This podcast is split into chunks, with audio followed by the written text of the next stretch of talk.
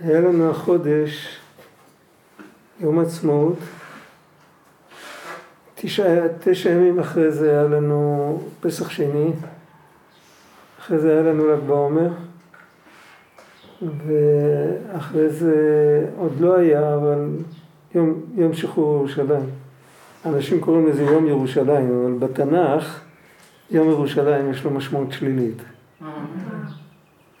יום שחרור ירושלים. ובעצם אה, כל אחד מהם הוא מסכת בפני עצמה, והיה צריך ללמוד את הפנימיות של הכל.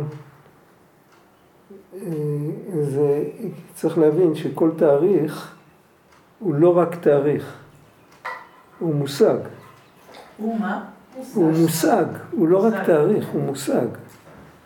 אה, כן, נגיד, עצמאות זה ודאי לא רק תאריך, זה ברור לגמרי. פסח שני זה כל הנושא שאפשר תמיד לתקן את המעוות, שאף פעם לא, אף פעם לא אבוד לגמרי. תמיד נותנים עוד הזדמנות. וכמו מסדר נוסף, כמו גלגול נוסף, כמו הזדמנות נוספת. ל"ג בעומר זה, זה איכשהו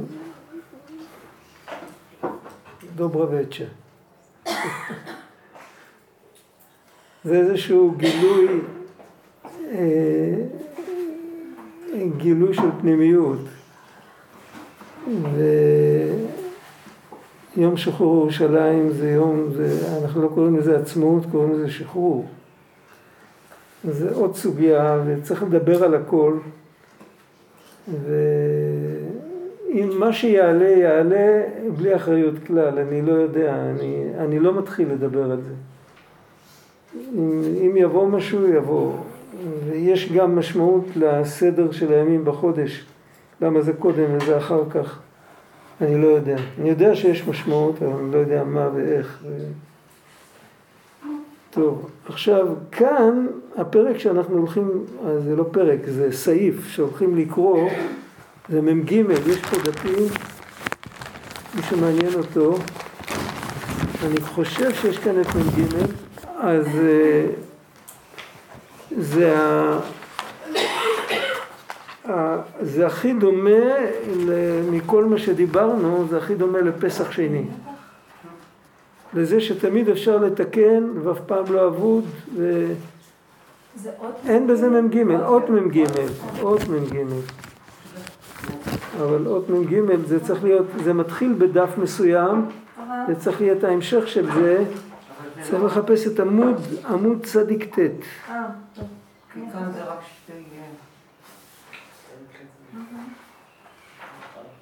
כן,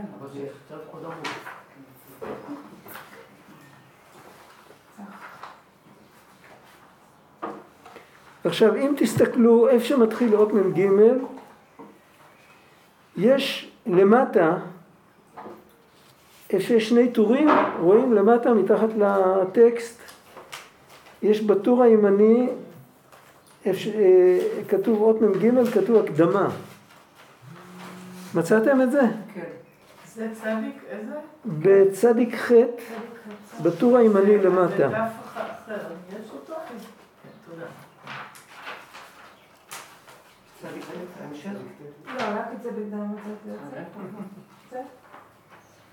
בטור הימני למטה הוא נותן הקדמה לכל מה שנלמד אחר כך. זאת אומרת, קודם כל הוא נותן את, ה, את המקורות גם.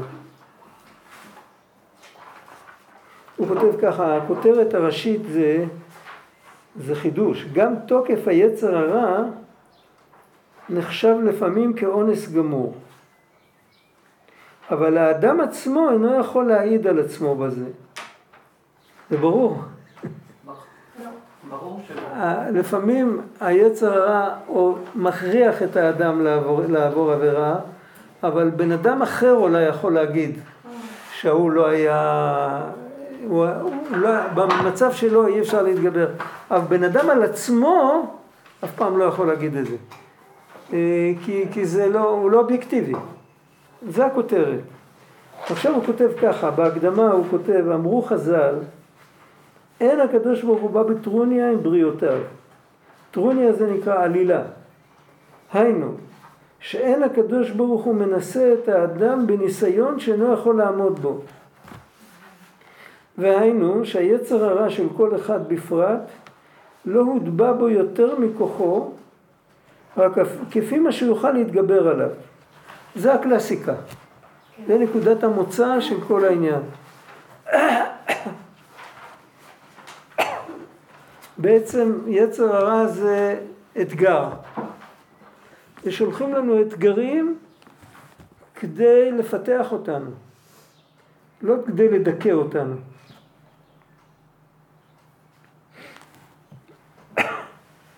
ואפילו שמה שמוסיף היצר הרע מדילי על זה, אין בכוח האדם לעמוד נגדו, אבל אין הקדוש ברוך הוא בא בטרוניה והשם לא יעזבנו בידו. יש לפעמים שהקליפות מתגברים על האדם בלי משפט ובלי צדק ובלי ששלחו אותם, אבל על זה עוזר תפילה.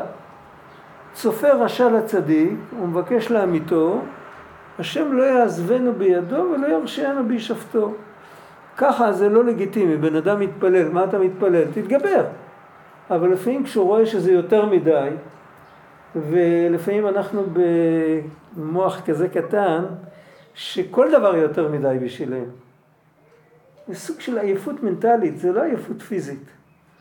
ואז אנחנו צריכים מה, מהסנטימטר הראשון רק להתפלל שנוכל לעבור את הקטע הבא.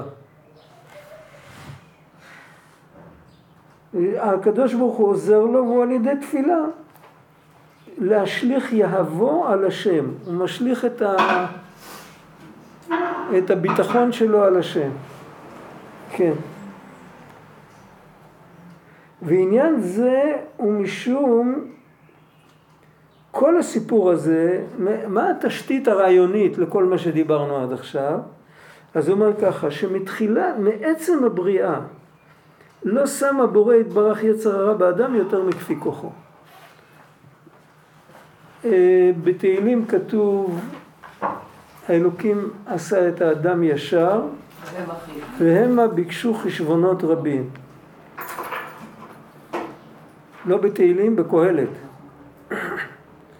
יש הרמב"ם מביא, במורה נבוכים, בספר הגדול שלו, הוא מביא חכם מחכמי אומות העולם, שהוא כותב שאם ישקללו את כל החיים שלנו, כמה אדמת נפש יש, וכמה לחץ, וכמה זה וכמה זה, אז, אז יראו שבעצם עצם היות האדם עלי האדמות זה צרה אחת גדולה. והרמב"ם כותב שיש כאן טעות. יש לה, החכם הזה מחכמי אומות העולם, היה לו טעות אופטית, הוא לא, הוא לא ידע להסתכל. ואז אני לא זוכר אם הוא מביא את הפסוק הרמב"ם, אבל אלה שמצטטים אותו בדורות יותר מאוחרים מביאים על זה פסוק במשלי. כתוב במשלי, איוולת אדם תסלף דרכו ועל השם יזעף לבבו. איוולת אדם תסלף דרכו, זאת אומרת אלוקים עשה את האדם ישר, אבל הוא מתנהג באיוולת, והאיוולת הזאת של החשבונות הרבים, חשבונות הרבים נראים כמו חוכמה. בהמה לא יודעת לחשב חשבונות. המה ביקשו חשבונות רבים, ודווקא החשבונות הרבים האלה הם, הם הפוך מאשר עשה את האדם ישר, ועל זה נאמר, איוולת אדם תסלף דרכו ועל השם יזעף לבבו. צריך על זה הרבה לדבר על זה, אבל הכלל הוא תמיד, דיברנו על זה כבר כמה פעמים. אם אנחנו עומדים בפני חיסרון, יש תמיד שתי חשיבות. יש חשיבה אחת, איך מתקנים את החיסרון, נכון? יש חשיבה אחת. יש חשיבה אחרת, מדוע נוצר החיסרון, ואם זה תלוי בי, אז שאני אפסיק לעשות את מה שעשיתי, אז החיסרון הזה ייעלם. זאת אומרת, השאלה היא לא מה לעשות, אלא מה להפסיק לעשות. וזה הדרך היותר אמיתית. כי על פי אותו פסוק שאיוולת אדם תסלף דרכו, אני סיפרתי פעם, כשלמדנו בקרצ'מה, סיפרתי משל, אני חושב, בטח זוכרים אותו, משל כזה שזוכרים אותו. הרועה אה, מתנפל על זאב ולא מצליח לעשות לו כלום, הוא תופס אותו בזנב. והזאב בורח ולזאב יש יותר כוח. אז ה... והוא לא רוצה לשחרר לו את הזנב. הוא תופס אותו, הוא רוצה ללמד אותו לקח, הוא רוצה לשחוט אותו, להרוג אותו, אני לא יודע מה. אבל הוא תופס אותו רק בזנב, ואז הזאב מריץ את הרועה, כשהוא תפוס בזנב, דרך כל הכפר, והרועה כבר אין לו כוח לרוץ כל כך מהר, אז הוא צועק הצילו. אז אנשים אומרים לו, לא צריך להציל אותך, תשחרר את הידיים מהזנב של הזאב, הכל יהיה בסדר. זה משל, אני לא זוכר מי אמר את המשל הזה, אתם מכירים את המשל? יש עוד כזה עם העורב, עם העורב שיש לו בפה משהו. כן, יש, יש הרבה משלים כאלה בעולם, אבל מי אמר את המשל הזה עם הזאב? אתה לא זוכר. אבל זה ידוע, זה משל ידוע. אני לא המצאתי אותו. זה פירוש של הפסוק איוולת אדם תסלף דרכו ועל השם יזעף ליבו. המדרש אומר שהקדוש ברוך הוא לא ברא יצר רע בכלל, הוא ברא יצר. רבי צדוק אומר שמי שיש לו את היצר יותר בגשמיות, יש לו גם את אותו תוקף גם ברוחניות. עכשיו, אני בראתי יצר ואתם עשיתם אותו רע. זה נקרא איוולת אדם תסלף דרכו. יש לו דרך, אבל הוא מסלף את הדרך שלו, זה כמו אחד שהוא יודע את הדרך, לא אחד שלו, אחד שלא יודע את הדרך, אז הכל לגיטימי. אחד שיודע את הדרך, אבל הוא שוכח לאן הוא הולך.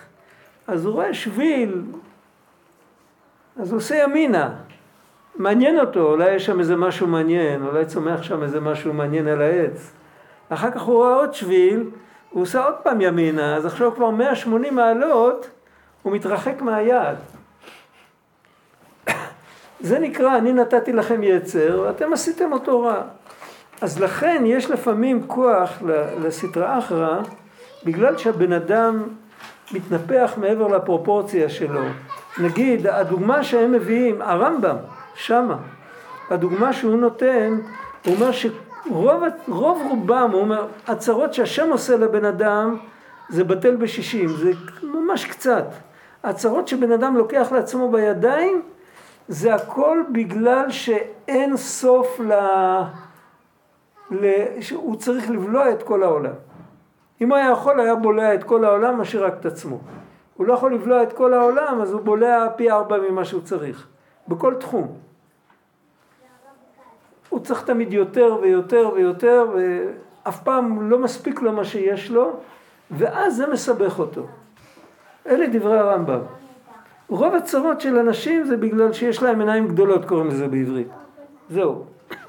אותו דבר בעבודת השם, כל ההפרעות שיש לנו זה בגלל שאנחנו, המובן מאליו שלנו באיזשהו מקום השתנה ואנחנו יודעים, יש סיפור מבעל התניא שהוא אמר פעם למישהו, אתה מספר כל מה שאתה צריך, אבל בשביל מה צריכים אותך בכלל אתה לא מתחיל לחשוב.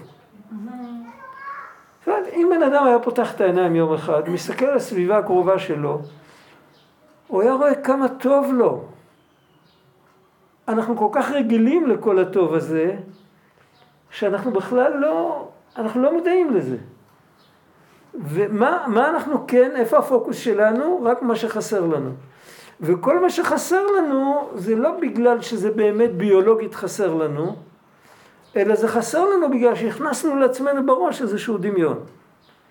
אז איוולת אדם תסלף דרכו, ועל השם יזעף ליבו. ממילא, כשהבן אדם נכנס לתוך משבצת כזאת, היצרים שלו הם הרבה יותר גדולים ממה שהוא יכול לעכל אותם. כי זה, כי זה ניפוח. זה לא היצר האורגינלי שלו. הוא ניפח את עצמו, והיצר התנפח בהתאם. ואז הרבה יותר קשה לו להילחם איתו. ועל זה עוזרת התפילה. התפילה עוזרת בשני המישורים, זאת אומרת, התפילה עוזרת להוריד את היצר, אבל תפילה גם עוזרת, עצם זה שבן אדם עומד מול השם ומבקש עזרה, זה מוריד לו חלק גדול מהניפוח. בתוך הניפוח שלו הוא, הוא לא צריך עזרה מאף אחד. הוא, הוא לבד ואין זולתו, כאילו. אז זה הסיפור. עניין זה, זה הטור, הטור השמאלי של צדיק ח', הטור השמאלי למעלה, בביאור. עניין זה הוא משום שמעצם הבריאה לא שם הבורא יתברך יצר הרע באדם יותר מכפי כוחו. אמנם כאן התבאר שייתכן לפעמים בגלל חשבונות קוסמיים, לא בגלל, אה, לא, לא בגלל שהוא ניפח את עצמו, אלא בגלל, בטור השמאלי למעלה. הטור השמאלי למעלה, בעמוד צדיק ח' עניין זה, כן, מצב. אוקיי.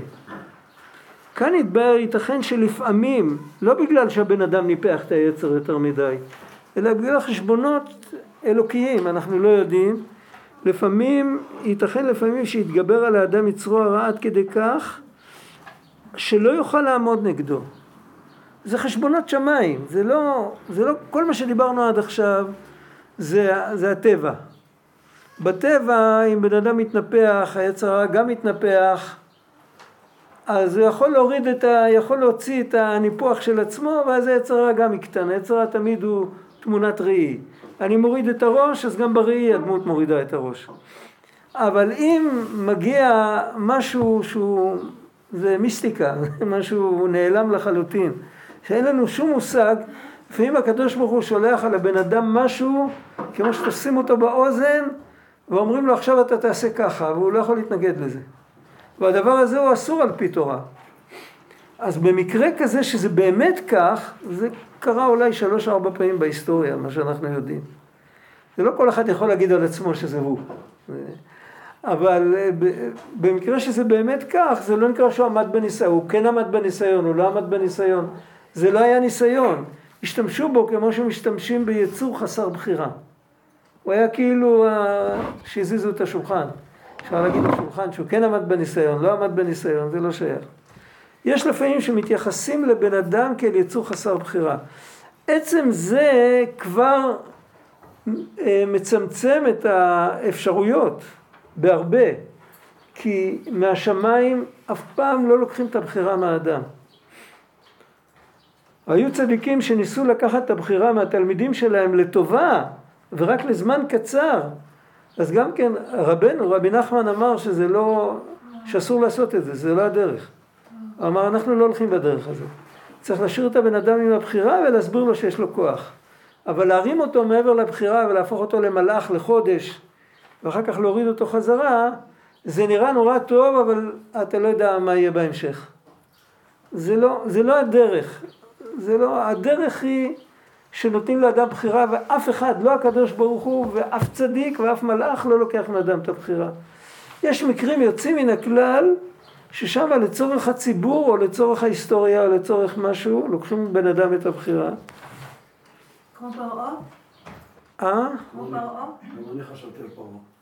פרעה היא שואלת. פרעה. פרעה אחרי חמש מכות אז התחילו לקחת לו את הבחירה.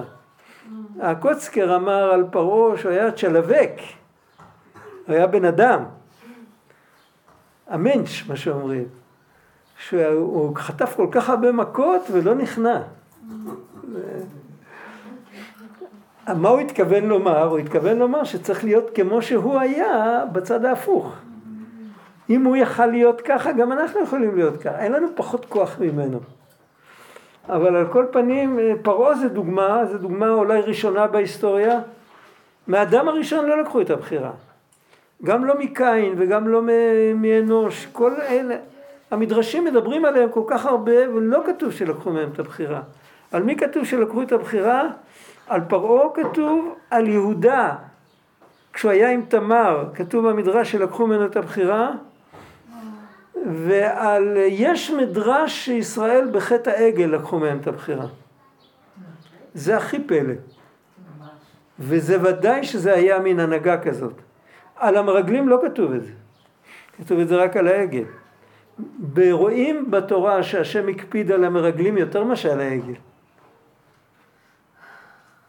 אז, אז כנראה שזה הכל, הכל קשור, ואולי עוד כמה פעמים בודדות, אה, מה שאולי במשך כל ההיסטוריה, ש, שמישהו בר סמכה אמר על מישהו שלקחו לו את הבחירה. אבל ככה זה לא קורה. זאת אומרת, הדיון כאן הוא דיון יותר תיאורטי. וכל מה שהוא בא לומר, הוא בא לומר שבמקרה כזה אי אפשר לדון את האדם אם הוא כן עמד בניסיון, הוא לא עמד בניסיון, כי באותו רגע הוא לא היה בדרגה של אדם. כי ההבדל בין אדם ללא אדם, גם אלה שהם פחות מאדם וגם אלה שהם יותר מאדם, ההבדל ביניהם שלהם אין בחירה ולאדם יש בחירה. ובאותו רגע אם לקחו לו את הבחירה זה היה אקס טריטוריה כזה, כאילו סוגריים בתוך החיים שלו ולא מדברים על זה. לאל מבואר זה המשך של ההקדמה שיש לאדם להיזהר לאל באות ל"ט מבואר שיש לאדם להיזהר שלא לטעות ולהוכיח לעצמו שמעשה מסוים הוא ראוי ונכון לעשותו ממה שרואה שמן השמיים עוזרים לו לעשות פעולה זאת. אנחנו יודעים שהרבה פעמים בן אדם טועה בדרך, חז"ל אמרו, בדרך שאדם רוצה ללך, בה מוליכין אותו. אז אה, אם בן אדם הולך בדרך, אה, כתוב שמשה בשלב מסוים, מסוים פרש מאשתו. ואהרון ומרים מאוד ביקרו אותו על זה. ולמרות שהם ראו שכביכול, הם ראו שהוא לא מקבל עונש, ואז היה זמן שמי שעשה דבר לא נכון מיד חטף. אז הראשונים כותבים, הם לא, הם לא לקחו בחשבון את הוויתור שהקדוש ברוך הוא מוותר לו, כי זה רק זמני, בדרך שאדם רוצה ללך, מוליכין אותו, אתה הולך בדרך הזאת, ייתנו לך רמזים שזה הדרך וזה זה, זה לא אומר שזה האמת האמיתית. האמת האמיתית כתובה בתורה. בתורה כתוב שדברים כאלה לא עושים. כאן אנחנו, זה שומר עלינו שלא נהיה, שלא ניכנס להזיות ונקבל אישורים. נפל ידי עלה מעץ, קיבלתי הסכמה. עורב קרה, קיבלתי התנגדות. אתם מכירים את הדברים האלה? בזמן העתיק זה היה, אנשים חיו עם זה. והתורה שוללת את זה. התורה שוללת בכלל אמונות תפילות וכל זה, ואפילו אם נראה לו שמן השמיים עוזרים לו, הוא עושה איזה מעשה לא נכון, הוא עושה משהו לא ישר במסחר, הוא מרוויח המון. הוא אומר הנה השם נותן לי אישור, זה לא אומר שום דבר, זה חלק מהניסיון. זה ראינו בפרקים הקודמים, ויש לחשוש שאולי שורשו פורה ראש ולענה חס ושלום, דהיינו שהתנתק לחלוטין משורש ישראל עד שמכשילין אותו מן השמיים בדבר עבירה, זה גם לטובה, אבל מכשילים אותו כדי שיתעורר, כדי שיגיע למקום שהוא יראה עוד מעט הוא עובד עבודה זרה, ואז הוא יתפוס את עצמו, מתי שבן אדם על הקרשים, אז הוא לא ממשיך, אז הוא עושה מהפך. זה אופן אחד. אמנם בעוד זו יתבהר, כאן הוא נותן את האיזון, רבי צדוק תמיד היה צדיק של איזונים. הוא הולך לכאן יותר מדי, אז אחר כך, מיד אחרי זה, הוא כותב משהו שנראה הפוך, ואנחנו צריכים להבין איפה זה, איפה זה נפגש. אז הוא אומר, קודם כל הוא אמר לבן אדם, ש, שלא יסמוך על זה שמן השמיים נותנים לו רמזים שזה בסדר, אתה תעשה מה שאמרו לך, אל, תקשיב למה שמדברים, לא, ל, לא לצבע בעיניים. זה קודם כל. אל תהיה חכם יותר מדי גדול. ואחר כך, בעוד זו יתבהר שמאידך יש לאדם להיזהר, גם אם רואה שמתגבר עליו היצר הרע כל כך, עד שנדמה לו שלא יהיה מסוגל לעמוד נגדו, הוא לא, הוא לא כותב, הוא זה שכתב את זה, הוא חכם מאוד גדול, זה שכתב את הפירוש.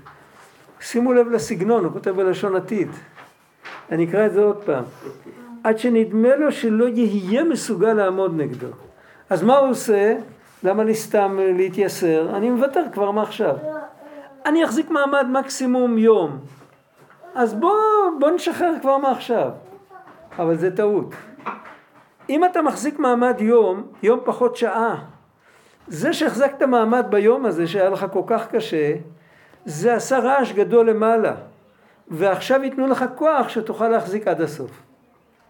אם אתה מוותר עכשיו, אתה סוגר לעצמך את הדלת. זה הטעות. הבן אדם הרבה פעמים מוותר בגלל שהוא צופה, הוא לא מסתכל על ההווה, הוא לא חי בהווה. הוא מסתכל על העתיד, מה יהיה הסוף? מה יהיה הסוף, מה יהיה הסוף, מה יהיה הסוף? הוא נכנע לאויב לפני הזמן. מה אתה דואג למחר? עכשיו הכל בסדר. אל, אל, אל, אל, אל תשתעבד. אל תשתעבד בחינם. הזכרנו את יום עצמאות בהתחלה. היה לי חבר, הוא כבר לא בחיים, היה מבוגר, מאוד מבוגר. אני הייתי נער, הוא כבר היה אבא של ילדים, אבל הוא היה חבר של כל הנערים בבית כנסת. הוא פעם אמר לנו, ככה בצד כזה, הוא אמר, אתם צריכים לדעת, אנחנו חיינו, הייתי בן שלוש כשקמה המדינה. אז מה אני זוכר? אני זוכר במומם את הכלניות. החיילים של הבריטים, הכובעים האדומים, אני זוכר את זה במעומם. אני זוכר שהתפעלתי שעברו חיילים דוברי עברית. זה היה בשבילי שמחה, הייתי ילד קטן. אבל אני לא זוכר כלום. גדלנו לתוך אווירה כזאת שיש לנו מדינה, יש לנו זה, הכל מובן מאליו. הוא אמר לנו, החבר המבוגר הזה, אמר לנו, אתם, אתם, לא, אתם לא יודעים, הוא היה כבר מבוגר אז. הוא היה כבר בחור בן 18, אני יודע מה. אמר, אתם לא מבינים מה היה פה. בן גוריון לקח כמה יהודים, רובם אקדמאים וקצת רבנים ואנשים אנשים חכמים ויושיב אותם בתל אביב באיזה מקום והכריז על מדינה. ומסביב עמדו 40 מיליון ערבים עם נשק מודרני יחסית לאז לנו היה כמה פרימוסים וכמה ברנים וסטנים. והיה לנו רובה מאוזך מי שמכיר את הרובה הזה, זה על נקישה יוצא כדור, ואתה יכול לטעון שש כדורים, לא יותר. וזהו, זה הרובה צלפים, אבל עד שאתה זז אתה כבר לא, אתה כבר לא קיים. אתה עומד מול מישהו עם רובה, עם מחסנית, אז אתה לא יכול בכלל, אתה לא יכול לחשוב על כלום. ו, ו, והוא אסף את כל היהודים האלה, כשמסביב, הוא ידע טוב שמסביב עומדים, ובתוך המדינה יש כל כך הרבה ערבים, וכולם מצוידים, והעיראקים ישבו פה. ובירדן, לירדנים היה ליגיון מאומן על ידי בריטניה, ולנו היה את הפלמ"ח, לא היה לנו כלום. ו, ולהכריז על מדינה, ובאמת בתגובה להכרזה הזאת, הם כולם פלשו. מיד, באותו יום. איך הוא לקח אחריות לעשות את זה? לא, למה הוא לא פחד? הוא, הוא הולך לעשות מעשה שבתגובה ישחטו את כולנו, בדרך הטבע. מה זה העניין? אני אומר, תדעו לכם שמה שקרה פה היה נס, אם הייתה אש יורדת מן השמיים זה לא היה נס יותר גדול. הנס היה איך הנס התלבש במוח של בני אדם. לקחו לנו את הפחד. זה לא, זה לא משהו טבעי. הם לא היו טמבלים, הם לא הלכו עם הראש בקיר. השם לקח לנו את הפחד. עכשיו, מה אפשר ללמוד מזה? זה קודם כל, זה המשמעות האמיתית של בן אדם שהוא לא משועבד. בן אדם שלא משועבד זה, זה לא שהוא לא משועבד לפריץ, כמו באירופה, במזרח אירופה, היה פריץ. יש לנו פריץ בלב. ואם אנחנו לא משועבדים לפריץ הזה, אז הפריץ ההוא מתפוגג, כי הפריץ ההוא הוא סך הכל השתקפות של הפריץ שיש לנו בלב. אין לו, אין לו משהו בפני עצמו, הוא סך הכל השתקפות. ככה רבי צדוק בעצמו אומר במקום אחר, הוא אומר שיש לנו שבע מידות רעות, יש גם שבע מידות טובות. השבע מידות טובות זה הנשמה, השבע מידות רעות זה הנפש הבעמית, זה לא בהכרח רעות, אנחנו עושים אותן רעות. אבל, ויש 70 אומות העולם שהם מתנהגים איך שהם משקפים בהתנהגות שלהם איך שאנחנו מתנהגים עם השבע מידות של הנפש הבעמית. אם אנחנו מתנהגים עם זה כמו שצריך, אז הם מתנהגים אלינו כמו שצריך. אם לא, אז אנחנו מחפשים להילחם, להשתדל, בכל דור היה איזה דרך אחרת. אבל מה באמת? באמת צריך לתקן פה. זאת אומרת, עצמאות אמיתית היא עמוק בתוך הנפש. פה. הבן אדם, ובכל אופן, בן אדם צריך בעל הבית על הראש. אם אין מלכות, אז איש את רעהו בולעים חיים, כתוב בפרקי אבות. מה זה המלכות הזאת? המלכות הזאת זה המלכות של השם יתברך. כשבן אדם יודע שהקדוש ברוך הוא נוכח וחי פה ואנחנו עומדים מולו, אז זה, זה השתעבדות, זה לא שיעבוד זר, זה השתעבדות לנקודה הכי פנימית שיש בנפש. כמו שבן אדם יכול לשעבד את הבית לבנק, אבל אם הוא משעבד את הבית לעצמו זה לא נקרא שהוא משועבד. זה לא נקרא הבית שלי משועבד, יש לי בית. אם בן אדם משתעבד לקדוש ברוך הוא זה כמו שהיד משועבדת ללב. זה לא, להפך, אם היא מתחילה לעשות לבד דברים, כשהיא מפסיקה אני אומר השתחררה לי. אז, אז זה, זה העצמאות האמיתית, משהו, איך זה עלה לי פה, הוא כותב כאן שלפעמים מתגבר היצר הרע כל כך עד שנדמה לו שלא יהיה מסוגל לעמוד נגדו. זה כמו 40 מיליון ערבים, עוד מעט הם ישחטו אותנו. היצר הרע עוד מעט יגמור אותי. הוא עוד לא גמר אותך, בינתיים הוא עוד לא גמר אותך. אתה תעמוד על שלך. מה יהיה בעוד, בעוד רגע, אם יגמור אותך, יגמור אותך. מה, מה אתה מרוויח מזה שאתה לא מנסה? אתה מפחד שתנסה ולא תצליח? ואם לא תנסה כן תצליח? איזה היגיון יש בזה? אז זהו, אז זה קודם כל להיות עצמאי, זהו. שלא יוכיח מזה שהוא מנותק חס ושלום משורש ישראל, אפילו אם הוא מרגיש כך. הוא מרגיש שהיצר הרע יגמור עליו עוד מעט, אבל שידע שהוא מחובר לשורש ישראל. וזה מפני שיש גם את המושג של יצרו אונסו כל כך לעבירה עד שנחשב כאילו נעשה שלא מדעתו. זאת אומרת, אם בסוף, בעתיד, בעוד יום, בעוד יום אני אפול ואני אתרסק, אז עדיין אני לא יוצא מכלל ישראל, כי ייתכן שחל עליי הכלל הזה שאנסו אותי מלמעלה. וכל זמן שאני לא בטוח, אני לא, לא יוצאים מכלל ישראל בגלל מצב רוח רע. וממילא אין לו עליה עונש, הוא מדבר אפילו על עונש. אבל בזה יש למקום לאדם לטעות טעות חמורה. ויש לחשוד בעצמו שאולי באמת יש ביכולתו ובכוחו להתגבר על יצרו שלא לעבור עבירה זו. ובכן יתאמץ בכל כוחו בתפילה להשם שיעזרו לנצח את יצרו ולא לחשוב מה יהיה בעוד שעתיים. ואם בסוף הוא ייכשל בעבירה, יש לשוב עליה בתשובה שלמה. למה? ולא לא להגיד כאילו אני לא, לא אשמתי, זה לא זה, למה? כי אתה לא יודע. יכול להיות שכן יכלת. מפני שעליו לחשוש לעולם שאולי באמת היה יכול לעמוד בניסיון הזה. עכשיו עד כאן זה היה הקדמה, עכשיו זה דברי רבי צדוק, אני קורא למעלה, לגמרי למעלה. באות מ"ג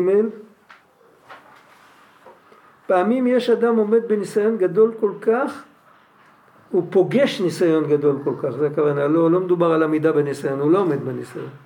הוא פוגש ניסיון גדול כל כך, עד שאי אפשר לו שלא יחטא. כדרך שאמרו, מה יעשה הבן ולא יחטא. יש שם איזה משל שנותנים לנער צעיר את כל האפשרויות לחטוא, ומפנטזים לו את כל הדמיונות שלו עד הסוף, ואחר כך אומרים לו, נו בוא נראה אותך. זה, זה, לא, לא, זה לא הדרך, לא עושים ככה. ובזו נחשב אונס רחמן הגמור ורחמן הפטרי. איפה זה כתוב בתנ"ך, בפסוק כתוב וכסף הרביתי להם וזהב עשו לבעל. נתתי להם הרבה כסף, הרבה זהב, יותר ממה שהם היו צריכים, זה שיגע להם את השכל, ואחר כך אני יכול לבוא אליהם בטענות. יש מפרשים את הפסוק הפוך. תראו כמה כסף נתתי לכם, ובסוף הלכתם ועשיתם עם זה בעל. אפשר לפרש את זה בשתי, ושניהם אמת. יש את הפן הזה, אם הם באמת לא היו חייבים, אז אפשר לפרש ככה, למה אתם כפויי טובה? אבל אם זה היה בצורה כזאת שמה יעשה הבן ולא יחטא, אז צריך לפרש ככה, כאילו הקדוש ברוך הוא אומר זה אני. זה אשמתי. אני לא הייתי צריך לתת להם כל כך הרבה. זה אותו דבר גם וישמן ישורון ויבעט? בישמן ישורון ויבעט לא ראיתי שמפרשים את שני הפירושים, אבל יכול להיות. אני לא יודע.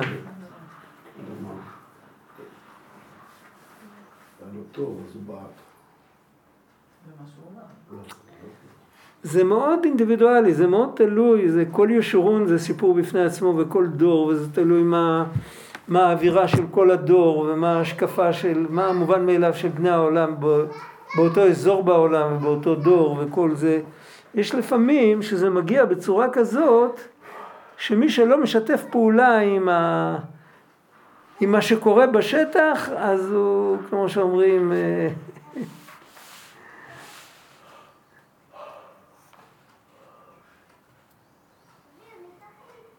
יש מקומות בארצות הברית, אני לא, אני לא יודע היום, היום נראה לי שזה כבר אחרת, לפני 40 שנה, שמי שהיה מגיע לתת הרצאה או למסור חוג או משהו, אם הוא מגיע בלי עניבה, אז היה העלבון הכי גדול לקהל שהיה צריך לבוא לשמוע אותו. זה יכול להיות קיץ, מחניק, זהו, לא היה חייב לבוא עם עניבה. ואף אחד לא העז לזרוק את העניבה. זה כוח של תרבות לוחצת כזאת, שאין בזה שום היגיון. אין בזה שום היגיון.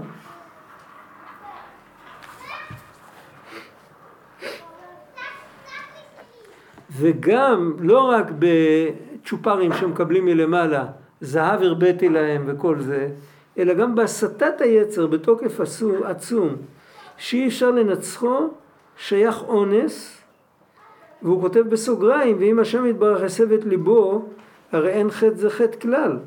רק שרצון השם יתברך היה כך. ועיין מה שאמרו בכתובות, גם בתחילתו באונס, אפילו צווחת לבסוף שאלמלא מניחה היא סוחרתו מותרת לבעלה. אישה, אישה שמזנית תחת בעלה אסורה לחזור לבעלה. אם היא נאנסת מותר לה לחזור. אבל אם באמצע המעשה של האונס באים למשוך אותו והיא אומרת תעזבו אותו כי כבר בתוכו היא לא יכולה כבר להתנתק מזה אז עדיין היא נחשבת לאנוסה. כי זה הביולוגיה אין מה לעשות שם. מה איתם היצר הלבשה הרי זה נחשב לאונס גמור אף על פי שהוא מרצונה כרגע היא כן רוצה, היא לא רצתה, היא ברחה, הוא תפס אותה, אבל עכשיו, באמצע היא רוצה, אבל אנחנו מסתכלים על השורש. השורש לא בא ממנה. מכל מקום, יצר גדול כזה, אי אפשר האדם לקופו, והוא אונס גמור ואין בזה עונש, אף דעשה איסור, כיוון דיה אנוס. אבל עד כאן הכל טוב ויפה. עכשיו כל צרוע וכל זב וכל טמא לנפש יגיד על עצמו שהוא בתוך הקריטריון הזה. אני לא יכול, מה אתה רוצה ממני? אחד, אה, פעם היו אומרים דבר כזה, תשאירו מרש לצעירים, תשאירו בגלל שהם עדיין לא יכולים. לזקנים תשאירו מרש על זה שהם כבר לא יכולים. ו- וכל הציבור הקדוש מתחלק לשניים, חלק צעיר מדי וחלק מבוגר מדי, ואף אחד לא עובד את השם. זה היה מין אמרה כזאת, אה, אמרו לנו זה שהיינו צעירים. אמר איזה איש מאוד מאוד חכם. הוא אמר, רגע אחד אתה צועק שאתה צעיר מדי, בעוד שנייה אתה תתחיל לצעוק שאתה מבוגר מדי וכבר אין לך כוחות. הבן לבן יתמסמס לך. ולמה זה? בגלל שאף פעם אל תגיד שאתה צעיר מדי ואף פעם אל תגיד שאתה זקן מדי, הכל תלוי בבחירה שלך. רבנו אמר שאסור להיות זקן. אסור להיות זקן. אה, בן אדם, בסדר, אתה מזקין, אתה תמות בסוף, בסדר, כל אחד ימות בסוף. אני אמות, אתם תמותו, כולם ימותו, בסדר. מה, אבל- אומר אסור להיות זקן, מה המשמעות של לא להיות זקן, זה המשמעות של לא להתחיל מעכשיו להוריד את כל, ה, את כל האנרגיה, בגלל שבקצה מחכה לנו המוות. זה לא זה לא שייך אלינו. אנחנו פה, אנחנו חיים. המוות עצמו הוא גם חיים, הוא חיים, איך אומרים, הוא חיים הרבה יותר אה, עמוקים. יש, יש, ישנם בני אדם שזוכים לעולמך תראה בחייך, הם יכולים לחוות את מה שמעבר לחיים בתוך החיים, זה מאוד נדיר, אבל מה אנחנו מפסידים במוות? סך הכל את, ה, את הצד הזה, את, ה, את ההשתקפות. בסדר, זה לא כזה, מי יודע מה, לא כזה, זה לא נעים, אבל זה מפחיד. הפרידה מכולם מפחידה, הכל, הכל נכון. אבל מצד שני,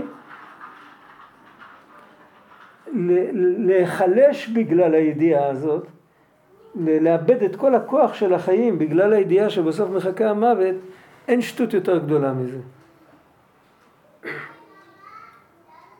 האדם עצמו שמגיע לניסיון כזה, אין יכול להעיד על עצמו בזה. הוא לא יכול לומר על עצמו שהיה לו כזה יצר שהוא לא יכול לנצח אותו. הוא אומר, כי אולי עדיין היה לו כוח לקוף היצר. וכמו ששמעתי בזה מעניין זמרי שטעה בזה, יש בזה עניין גדול במקובלים, בקבלה, היה... אה, רוב הגילויים האלה באו מארי הקדוש, אבל היו עוד כמה, שהם ידעו על כמה סיפורים בתנ"ך ובמדרשים, הם ידעו מי היה מי, מי, מי היה מי בקדנציה הקודמת. אז זמרי בן סלו היה לו עסק עם איזה מדיינית.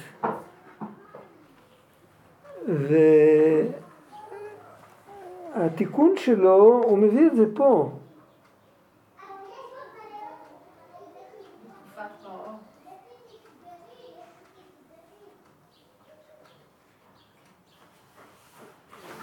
הוא מביא את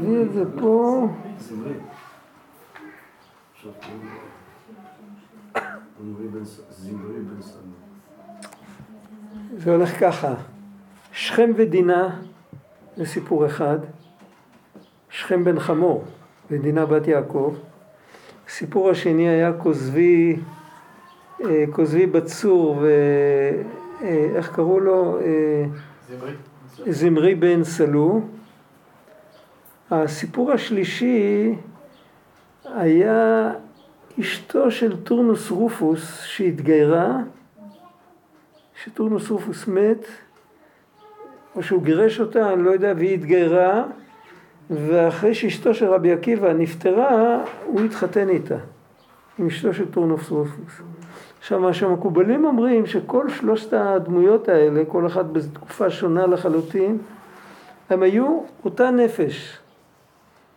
דינה וכוזבי ואשתו של טורנוס רופוס, זו הייתה אותה נפש שבאה שלוש פעמים, שכם, ו... ואיך קוראים לו? ו... ז... אה, זמרי בן סלו. ורבי עקיבא זה היה אותו נפש, כל פעם תוקן יותר. ובפעם האחרונה הם תוקנו עד הסוף. ולכן כל הסיפורים שלהם, ורבי עקיבא היה לו תפקיד, היה לו, היה עיקר תורה שבעל פה התחילה מרבי עקיבא. היא לא התחילה, היא שרדה בזכות רבי עקיבא. כי לפני זה היה מגפה גדולה והרבה מתו וזה. אז כל הסיפור הזה היה סיפור של שהכל הכל הכל אה, נוהל מלמעלה. שבאמת השתי הנפשות האלה היו צריכות תמיד להתאחד. רק בפעם הראשונה זה נהיה בצורה הכי נוראית. הוא לקח אותה. כתוב וישכב איתה ויענה, וישכב אותה ויענע. הוא לקח אותה בכוח, הוא לא שאל אותה. אחר כך הוא רצה, הוא רצה לרכוש אותה לעצמו לכל החיים. זה היה הסיפור הכי גדול. הסיפור של זמרי זה בא בצורה כזאת של אה, שהיה נדמה לו, הוא ראה משהו, מה, הוא ראה משהו, הוא ראה שהיא שייכת אליו, ו, ו, אבל זה אסור, אבל ההיתר שלו היה שהוא לא יכול להתגבר על עצמו. ופנחס ראה שזה היה טעות. זה מה שאמרנו בהתחלה, שבן אדם אחר יכול לראות את התמונה יותר נכון. חוץ מזה שהוא גם ראה את כל הסיפור, אבל הוא ראה שזה לא עכשיו, שהתיקון הזה יופיע בעוד הרבה דורות. רבי עקיבא, הוא ראה את כל התמונה, וכשהוא פגש את טורנוס רופוס, הוא ראה את אשתו, אז הוא, אז הוא, הוא כבר ידע שיגיע יום שהיא תתחתן איתו. והיא שאלה אותו, הוא, הוא צחק, היא שאלה אותו, הוא לא רצה לגלות לה, כי בעלה היה בחיים. ובסוף זה מה שקרה, בסוף היא התגיירה והוא התחתן איתה. ואז, עכשיו מאיפה זה מתחיל כל הסיפור? גם זה מה שסיפרו לנו, זה הכל רק בעולם האנושי. גם הסיפור של דינה ושכם, זה הכל, שתי הנפשות האלה יש להם שורש מעבר לעולם האנושי. ולמה זה היה צריך ללכת, זה ממש מזכיר את הספירלה של הבעל שם טוב, שצד אחד מואר וצד אחד חשוך, רק שם זה על סדר הדורות זה היה ספירלה יורדת, אבל בהתקדמות זה היה ספירלה עולה. זה התחיל ממקום מאוד נמוך ומאוד חושני ומאוד חשוך, זה עבר למקום שהיה קצת יותר מואר, ובסוף זה הגיע למקום של האור. וזה היה, הכל נוהל מלמעלה, וככה זה היה. ו- וזמרי נפל בטעות הזאת שהוא חשב שבסיבוב שלו, בספירלה, הוא לא יכול להימנע מלהתחבר איתה. ולהפך, אם הוא היה מתגבר על עצמו, מה היה קורה? אז מה שהיה קורה, התיקון שקרה אצל רבי עקיבא, היה קורה אצלו, אז היא הייתה מתגיירת. זה ברור, והוא חשב שזהו, זה, אין, אין, פה חוק, אין פה חוקיות, אין פה כלום. זה פחות או יותר, זה גישה קבלית, אנחנו לא רגילים לחשוב ככה. אבל, אז במקרים כאלה, אנחנו הרבה פעמים נוגעים בגבול שבין הבחירה לבין אין בחירה. ואנחנו מצידנו חייבים להאמין תמיד שיש לנו בחירה. ואנחנו לא, אין לנו את ה... אין לנו את הלגיטימציה להגיד אה, כאילו, אני יודע שאני לא יכול. תנסה. כל עוד נשמתנו בנו אנחנו מנסים. זה פחות או יותר הקטע הזה.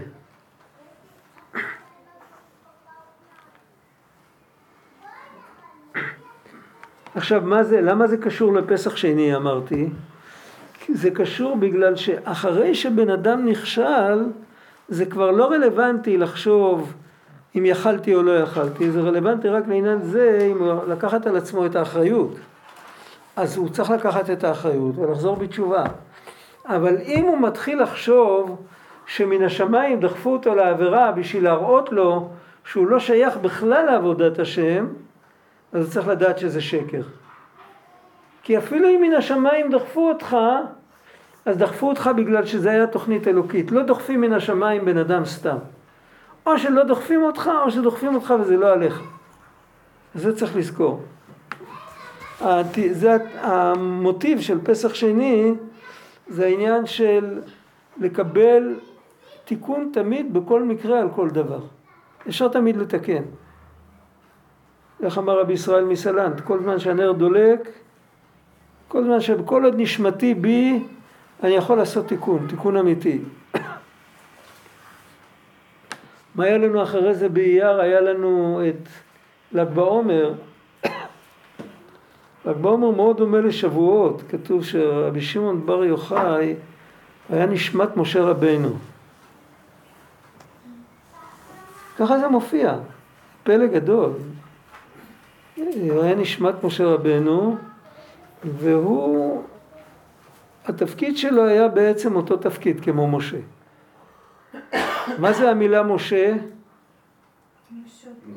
למשוך החוצה מהמים, למשות החוצה. ורשב"י היה בתקופה מאוד לא סימפטית. הוא היה בדיוק ב...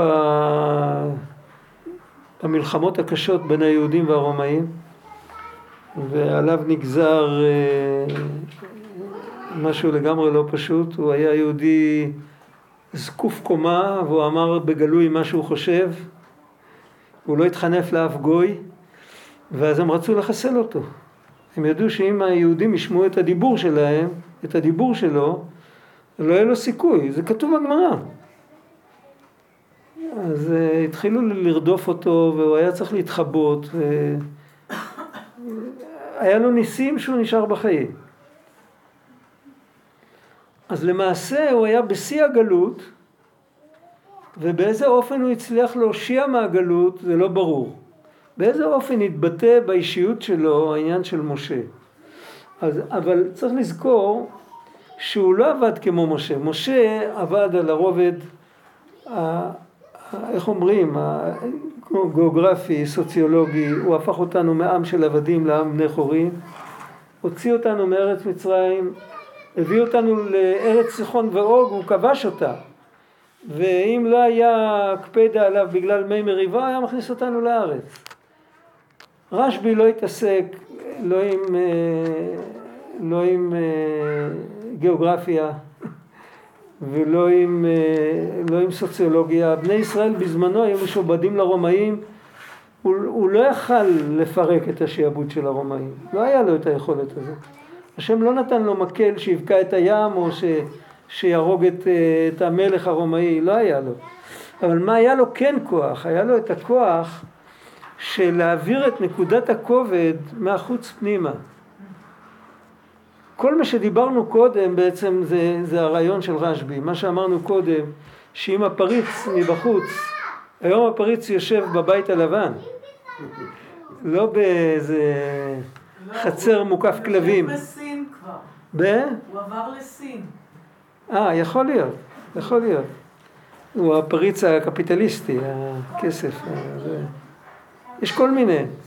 הוא יושב גם בארגון הסחר הבינלאומי, יש אה, כל מיני היבטים יש לו. הוא דרקון עם שבע ראשים. G9. כן. הפריץ הזה, ברגע שאנחנו אנחנו משתחררים מהפריץ הפנימי, אז הפריץ הזה הוא לא רלוונטי יותר. וזה זה החוכמה של הזוהר, ושאפילו בהלכה אז רבי שמעון דריש טעמא דקרא, בכל מקום הוא מחפש את הפנימיות. ההגדרות שלו הם תתבונן, תיכנס פנימה, תחשוב למה. הוא לא משאיר אותך אף פעם עם הגדרות חיצוניות. זה השיטה שלו. ומרבי שמעון התחיל התחלה חדשה. למרות שמה שהוא העלה על הכתב בעצם לא הוא, התלמידים שלו, יש אצל הרבי מקומרנה, תסלחו לי, אני לא יודע להגיד מראה מקומות, אני לא זוכר באיזה ספר זה כתוב. הרבי מקומרנה, שהיה מקובל אלוקי, הוא היה אחד מגדולי המקובלים לאורך כל הדורות, והיה לו הרבה מסורות שהם נשכחו מאיתנו, אנחנו... הוא התעסק הרבה, הוא התעסק הרבה עם המסורה של התנ"ך. הוא כתב, כל הס... חלק מהספרים שלו זה מסביב למסורה, אתם יודעים מה זה המסורה? איפה המילה הזאת כתובה, עם יותר, יותר אותיות, עם פחות אותיות, כמה פעמים היא מופיעה בתנ"ך, מה ההקשר שלה. ועל זה הוא בנה המון והיה לו המון ידע. הוא מספר את הגלגול של ספר הזוהר. רק כשהתגלה הזוהר לא הרבה האמינו לרבי משה דיליון שזה באמת אה, משהו עתיק. הרי את האורגינל הוא לא הוציא, הוא היה יושב ומעתיק. את האורגינל הוא שמר לעצמו. ו, היה מישהו מאבד או אומר שהוא מאבד איזה קונטרס, אז היה מעתיק לו את הקונטרס עוד פעם והיה יכול לעשות השוואה, לראות שזה אותו דבר. אבל אלה שקטרגו עליו אמרו שגם הקונטרס שמזה הוא מעתיק, זה הוא, הוא, הוא המציא את זה, הוא כתב את זה. לא התגלה לו שום כתב יד וזה הכל קשקוש. עכשיו הוא כותב, רבי, הרבי מקומרנה כותב והוא, והוא מוכיח את זה, אני לא, אני לא נכנסתי לזה, אני לא למדתי את זה. הוא כותב שהזוהר עבר דרך האמוראים, אמוראי בבל, הם היו סך הכל שלוש דורות אחרי רשב"י. והיה להם את זה, והיה להם אסור ללמוד בזה ולהתעסק עם זה חוץ מכמה יחידי סגולה. אחר כך זה עבר את הדור של הסבוראים, שגם הם לא התעסקו עם זה. בדור של הגאונים היו יחידי סגולה שהעיזו לפתוח את זה. היה ניתן להם רשות, בדור של הגאונים גם היה היסטוריה שונה. זאת אומרת, לא, לא עסקו בזה? זה היה סגור? בגאונים כן עסקו בזה כבר. אז, אז האסלאם כבש את בבל, ואז ההונים הלבנים התגיירו והפכו להיות כוזרים. אז קרו הרבה הרבה מהפכות בתקופה ההיא, הרבה המון המון השתנה, המפה השתנתה. המפה הדמוגרפית היהודית השתנתה, והכל הכל השתנה אז. ואז היה, כאילו מצד אחד הגלות גברה, מצד שני גם ה... הכיסופים לגאולה, הרי גם היה משיח שקר בזמן הגאונים. כן. הכיסופים לגאולה גדלו, הם, ניתן להם הפתח להיכנס לפנימיות, וככה זה עבר מדור לדור, עד שקרוב לגירוש ספרד, כשכבר הלחץ היה, שהיה מלחמות בספרד בין הנוצרים למוסלמים, ויד הנוצרים התחילה להתגבר, אז היה אות שצריך לגלות את הדבר הזה. ואז העתיקו את זה, ולא הרבה זמן אחרי זה הדפיסו את זה כבר. זה אתה אומר מול אלה שטוענים שזה מהמאה... כן, זה התחיל. כן, כאילו הוא התחיל, הוא טען את זה נגד אלה שטענו כך. הסדר הדורות מביא את הטענה הזאת, זה לא טענה שהתכחשו אליה. היו, היו רבנים שאמרו, רגע, לא שמענו שיש דבר כזה. אז הוא מסביר, הוא מסביר שזה עבר, היה על זה איסור פרסום, היה על זה צנזורה. היה את זה בכל הדורות, דברים כאלה. מי שהיה אה, מביא לנו את בחדריו אה, לפני 60-70 שנה, היו תולים אותו בכיכר העיר. כן, היום הכל בסדר. כן, נכנסת, לקחת, מישהו ביקש, מישהו הרשה לך, ואתה מדפיס את זה ואתה נותן את זה לכולם.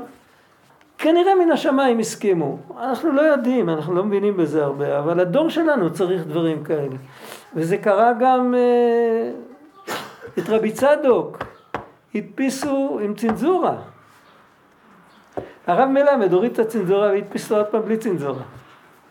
הרב, פגשתי מישהו, איזה ידיד, לפני הרבה שנים, שהוא לא, לא כל כך דתי, הוא לא, הוא לא דתי, והוא סיפר לי שיש אה, כתב יד של סבא, סבא שלו מהשואה. לפני השואה. לפני השואה, כתב יד קבלי, ששרד איכשהו את, ה... את המחנות, כן. המחנות, והם לקחו את זה, הנינים או הנכדים, לקחו את זה לבעל הסולם או לבן כן. הסולם, הסתכל על זה, הוא אמר שהדור לא ראוי לזה, אי אפשר להדפיס את זה. אז זה נשאר.